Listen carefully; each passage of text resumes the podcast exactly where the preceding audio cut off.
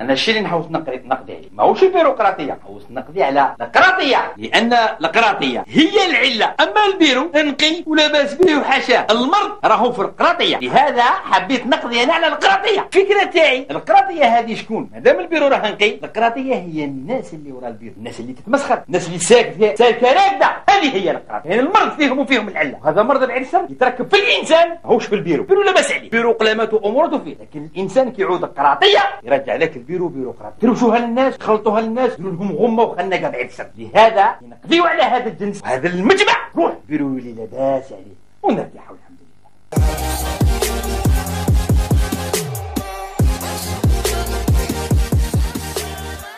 الحمد لله ربي سبحانه اختارنا باش نكونوا من أهل رمضان وإن شاء الله نصوموه بالصحة والعافية والهناء. وأما بعد في الحلقة اللي فاتت شفنا كيفاش إحنا رانا خاسرين بزاف بسبب الثقل البيروقراطي والآن السؤال المطروح يقول الموظفين البيروقراطيين اللي تم توظيفهم باش يخدموا مختلف الإجراءات البيروقراطية الثقيلة هذه هل راهم صح يخلقوا الثروة للمجتمع أم هم ثاني مجرد عقبات بيولوجية تخنق عملية إنتاج الثروة للمجتمع؟ وتعرقل السير الحسن لعجلة التنمية الاقتصادية. ولو حدث حدث يعني تغيير كبير وقمنا بتخفيف العبء البيروقراطي إلى الحد الأدنى ثم راح في ذي الحالة نستغنوا على كل البيروقراطيين الزايدين عن الحاجة أو العقبات البيولوجية. ما لازمش ننساو أن هذو البيروقراطيين في حد ذاتهم هم جزء من المجتمع وبالتالي ما لازمش نحلوا مشكلة بمشكلة أكبر منها. إما لا كيفاش نديروا مع هذو البيروقراطيين باش هم ثاني يعيشوا بكرامة. هذا ما سأحاول الإجابة عنه سريعا في هذه الحلقة. ابقى معي.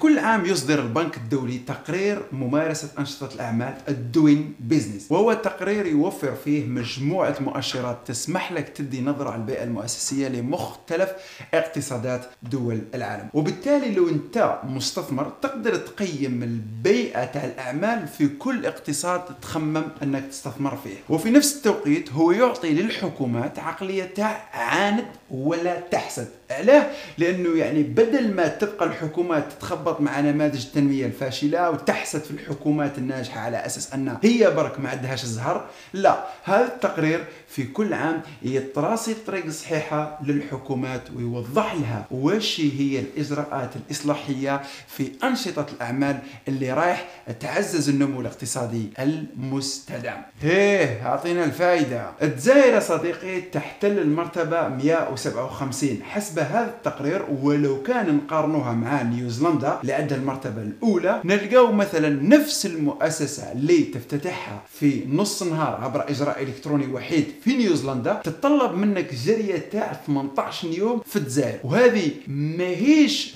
تاع انتظار تدفع الدوسي وتستنى لا. هذه هي جرية صحيحة عن طريق مختلف البيروات. هذه حاجة باينة. تسجيل الحقوق اللي ياخذ ثلاثة أيام ونص عبر زوج إجراءات بيروقراطية في نيوزيلندا يأكل عندنا إحنا 55 يوم أو بالتمام. والكمال عبر 10 إجراءات بيروقراطية. هي ومن بعد عدد الساعات اللازمة للاستيراد وانت تمتثل للقوانين تاع الحدود هو 25 ساعة في نيوزيلندا. في الجزائر نفس المهمة تأكل 210 ساعة. ساعة normal هادخل في المفيد يا صاحبي. هاصبر برك معليش. هل نيوزيلنديين عايشين خير منا؟ باينة هذا السؤال كاع ما يحتاج question معليش يا سيدي. إحنا لو كون نقارنوا أي عملية بيننا وبين نيوزيلندا نلقاو باللي العملية في نيوزيلندا ما تطلبش وقت كبير. بينما إحنا نضطروا أننا نبقاو وقت كبير وحنا نجرو مع مختلف البيروات نتاع البيروقراطيين. والسؤال اللي يطرح نفسه هنا وبالحاح واش هو محل الوظيفة هذه تاع البيروقراطي اللي حاكم البيرو من الإعراب؟ يعني أنا حاب نفهم وين راها الفائده تاع الخدمة تاعو. هايوا هنا راك ولات تعجبني. حسب المنظر الأنثروبولوجي ديفيد جريبر مؤلف الكتاب المشهور Bullshit Jobs Theory قال لك باللي أي وظيفة نقدروا نستغنوا عليها وما نحسوش بغيابها ولا déjà حياتنا تتحسن في ظل غيابها هذه الوظيفة محلها من الإعراب أنها bullshit job أي وظيفة تافهة. والوظيفة التافهة هذه ما عندها حتى فائده وما عندها حتى معنى وقادرة تكون مؤذية للمجتمع من أصله. والناس اللي يخدموا فيها بينهم وبين أنفسهم عارفين باللي normalement كاع ما تكونش هذه الوظيفة. بصح يلعبوها شغل راهم يقدموا في فائده للمجتمع. بصح هم متأكدين باللي لو كان يحبسوا الخدمة واحد ما راح يحس بفراقهم. وبلاك déjà لو كون ينطق المجتمع يقول لهم محلى فراقكم.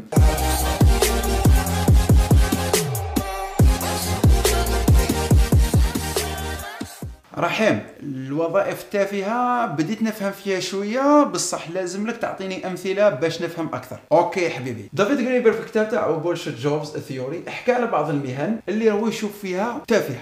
واللي أعتقد باللي ثاني راح تشوفها باللي تافهة. مثلا الجيش الألماني متعاقد مع شركة خاصة. واش دير؟ هذه الشركة الخاصة المهمة تاعها تبعث له موظف كل ما احتاج جندي ينقل معدات من نقطة ألف إلى نقطة ب تخيل باللي مثلا نقولوا كاين واحد ال matériel خفيف الجندي هذا يقدر هو يهزو matériel حاجة خفيفة برك يقدر هو يهزها من مكتب إلى مكتب. ممنوع عليه. علاه لازم له يكتب demande يبعثوا هم يبعثوه l'entreprise هذيك تبعث له موظف يجي من الدار ولا مش عارف منين جهاز transport يدخل القاعده العسكرية هذيك يروح للمكتب هذا يهز هذه المعدات يديهم للمكتب الآخر ولا النقطة الأخرى اللي حابين يهزوا لها ومن بعد هذا الموظف يكتب ورقة يبين فيها باللي هز ال matériel من نقطة إلى نقطة وعلى أكمل وجه وانتهى. تسمى هنا هذه قادرين نتهنوا من هذه الوظيفة بحيث أن كل جندي مع القيادة تاعو عنده matériel يحب يهزه من بلاصة لبلاصة يهزها وفراته هيا تقول باللي مازال مش مقنع. هيا المثال الزوج وهو مثال مشهور ثاني. كاين واحد الحارس في واحد المتحف في بريطانيا. طلب منه أنه يعس شومبرا فارغة. وفي كثير من الأحيان أنه يمنع أي واحد يدخل هذه الشومبرا الفارغة. وأثناء حراسته للشومبرا الفارغة ممنوع عليه يستعمل الهاتف ولا الراديو ولا أي وسيلة أخرى. علاش؟ لأنه يؤدي واجب مهني اللي هو واش؟ حراسة شومبرا فارغة.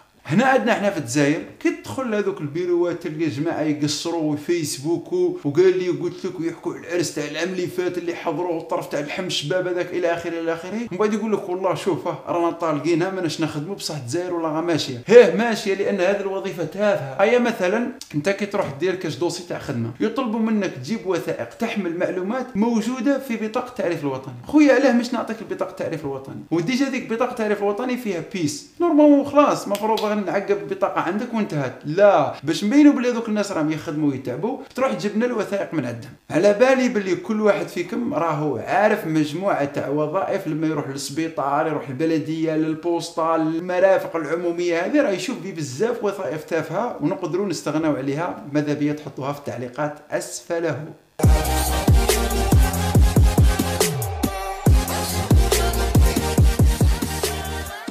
يعني وحنا في طريقنا باش نديروا مناخ أعمال أفضل وباش نديروا إقلاع اقتصادي لازمنا نقصوا من الخطوات البيروقراطية. وبالتالي لازمنا نتخلصوا من الوظائف التافهة هذه. يا سيدي بالنسبة للوظائف التافهه اتفقنا عليها. بصح مش انت الحلقة اللي فاتت قلت لنا باللي كاين واحد لادوس تاع بيروقراطية مهمة لأي مجتمع وباللي الحكومة عندها دور مهم في الحياة الاقتصادية ولازم لها جهاز بيروقراطي يسهر على تطبيق هذا الدور. الآن هذه الوظائف هل هي ثاني وظائف تافهه يا الداهيه تاعنا هذا راه الداهية هذا راه علامة تهلاو فيه. هذا قاري العلوم السكولوجيا والعذاب والتاريخ سمعته. نرجع هنا لدافيد غريبر واللي قال لك It's important to distinguish between bullshit jobs and shit jobs. لازم تفرق ما بين ال bullshit jobs اللي هي الوظائف التافهة وما بين ال shit jobs اللي هي الوظائف السيئة. الوظائف التافهة فهمناها. بصح وش معناتها وظائف سيئة؟ هذه يا سي محمد وظائف نحتاجوها وبلا بيها الحال ما يمشيش مليح. بصح المشكلة تاعهم اللي يخدموا في الوظائف السيئة أنهم يخدموا بمرتبات ضعيفة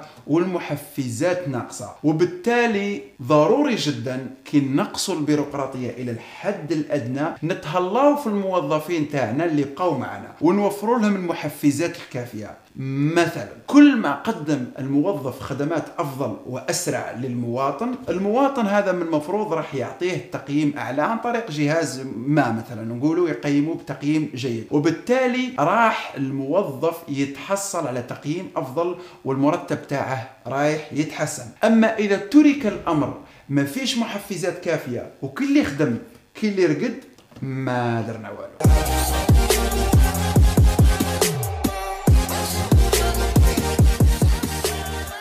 على بالي الآن راح تطرح سؤال وتقول يا رحيم ما عليهش رانا متفقين باللي أغلبية الوظائف البيروقراطية هذه هي مجرد وظائف تافهة ونقدروا نستغنوا عليها وإذا استغنينا عليها الحالة تاعنا راح تتحسن والاقتصاد تاعنا راح يقلع. بصح يا رحيم هذو الموظفين هم آبائنا وأمهاتنا وخاوتنا وأخواتاتنا. يا رحيم كي نحاوزوهم الخدمة الحاله تاعهم تولي صعيبة واجتماعيا راح يعانوا. ماكش مخمم فيهم؟ شوف صديقي أصلا البرنامج هذا قايم أساسا ويهدف بشكل مباشر باش نعيشوا بكرامة. تسمى هذو اللي راك تحكي عليهم راني نعاون فيهم مانيش ضدهم. وزيد تبع معايا مليح تركيز أكثر ورايح تفهم. دافيد جريبر في كتابه Bullshit Jobs Theory ولا في مختلف التدخلات نتاعو ولا في الحوارات الصحفية دائما يأكد على أننا إحنا البشر نحب نديروا حاجة عندها معنى. وأن أحد أقصى أنواع التعذيب عندنا إحنا البشر هو أننا حينما نتأكد باللي الخدمة اللي رانا نخدموا فيها ما عندها حتى معنى. وماناش نقدموا في القيمة المضافة للمجتمع تاعنا. وقيس أنت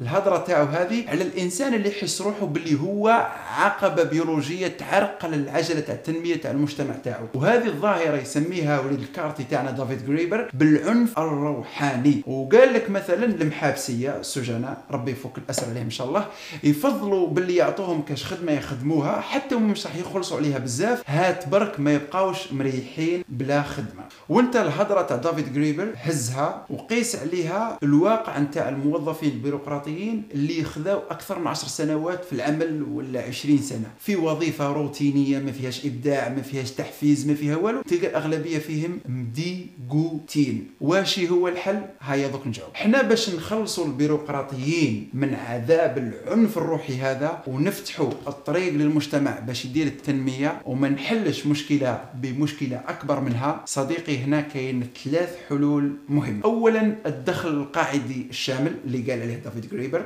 ثانيا الضرائب السالبة اللي قال عليها ميلتون فريدمان. ثالثا برنامج بولسا فاميليا اللي اشتهر وارتبط باسم الرئيس السابق البرازيلي لولا دا سيلفا. واش يحب يقول بكل برنامج من هذو الثلاثة؟ هذا السؤال نخلي الإجابة تاعو للأسبوع الجاي. هيا تهلاو في رواحكم وزيروا رواحكم باش تنتهزوا. فرصة رمضان سنحيا كراما.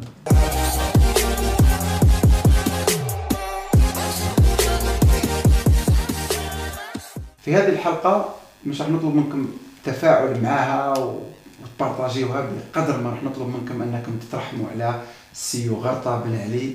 هذا الأيقونة اللي فقدناها واللي أنا شخصيا استفدت منه بزاف في إعداد هذه الحلقة. وشباب كثير استفادوا منه. نقول ربي يرحمه ويجعله إن شاء الله من سكان الفردوس. وبخاصة أننا في رمضان ما تنسوش من خالص الدعاء تاعكم. خوتي ربي يكثر إن شاء الله من أمثال يغرط بن علي. وإن شاء الله بهم نعيشوا كرامه سنحيا كرامة.